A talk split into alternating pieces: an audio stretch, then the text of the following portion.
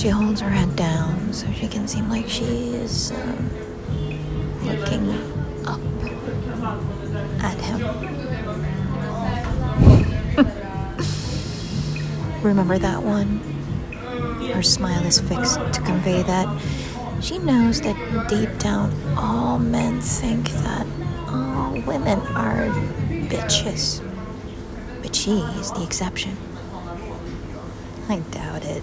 Something about those cheekbones says that she she's got a bitch inside her just screaming to come out. Her eyes are a bit glazed over as she calculates how generous he might be and if he's a husband potential. You know the score, typical first date thoughts. Suddenly, as though he's read her mind, he cleverly mentions his recent purchases of a new car, a widescreen TV, and oh, see that? A home gym.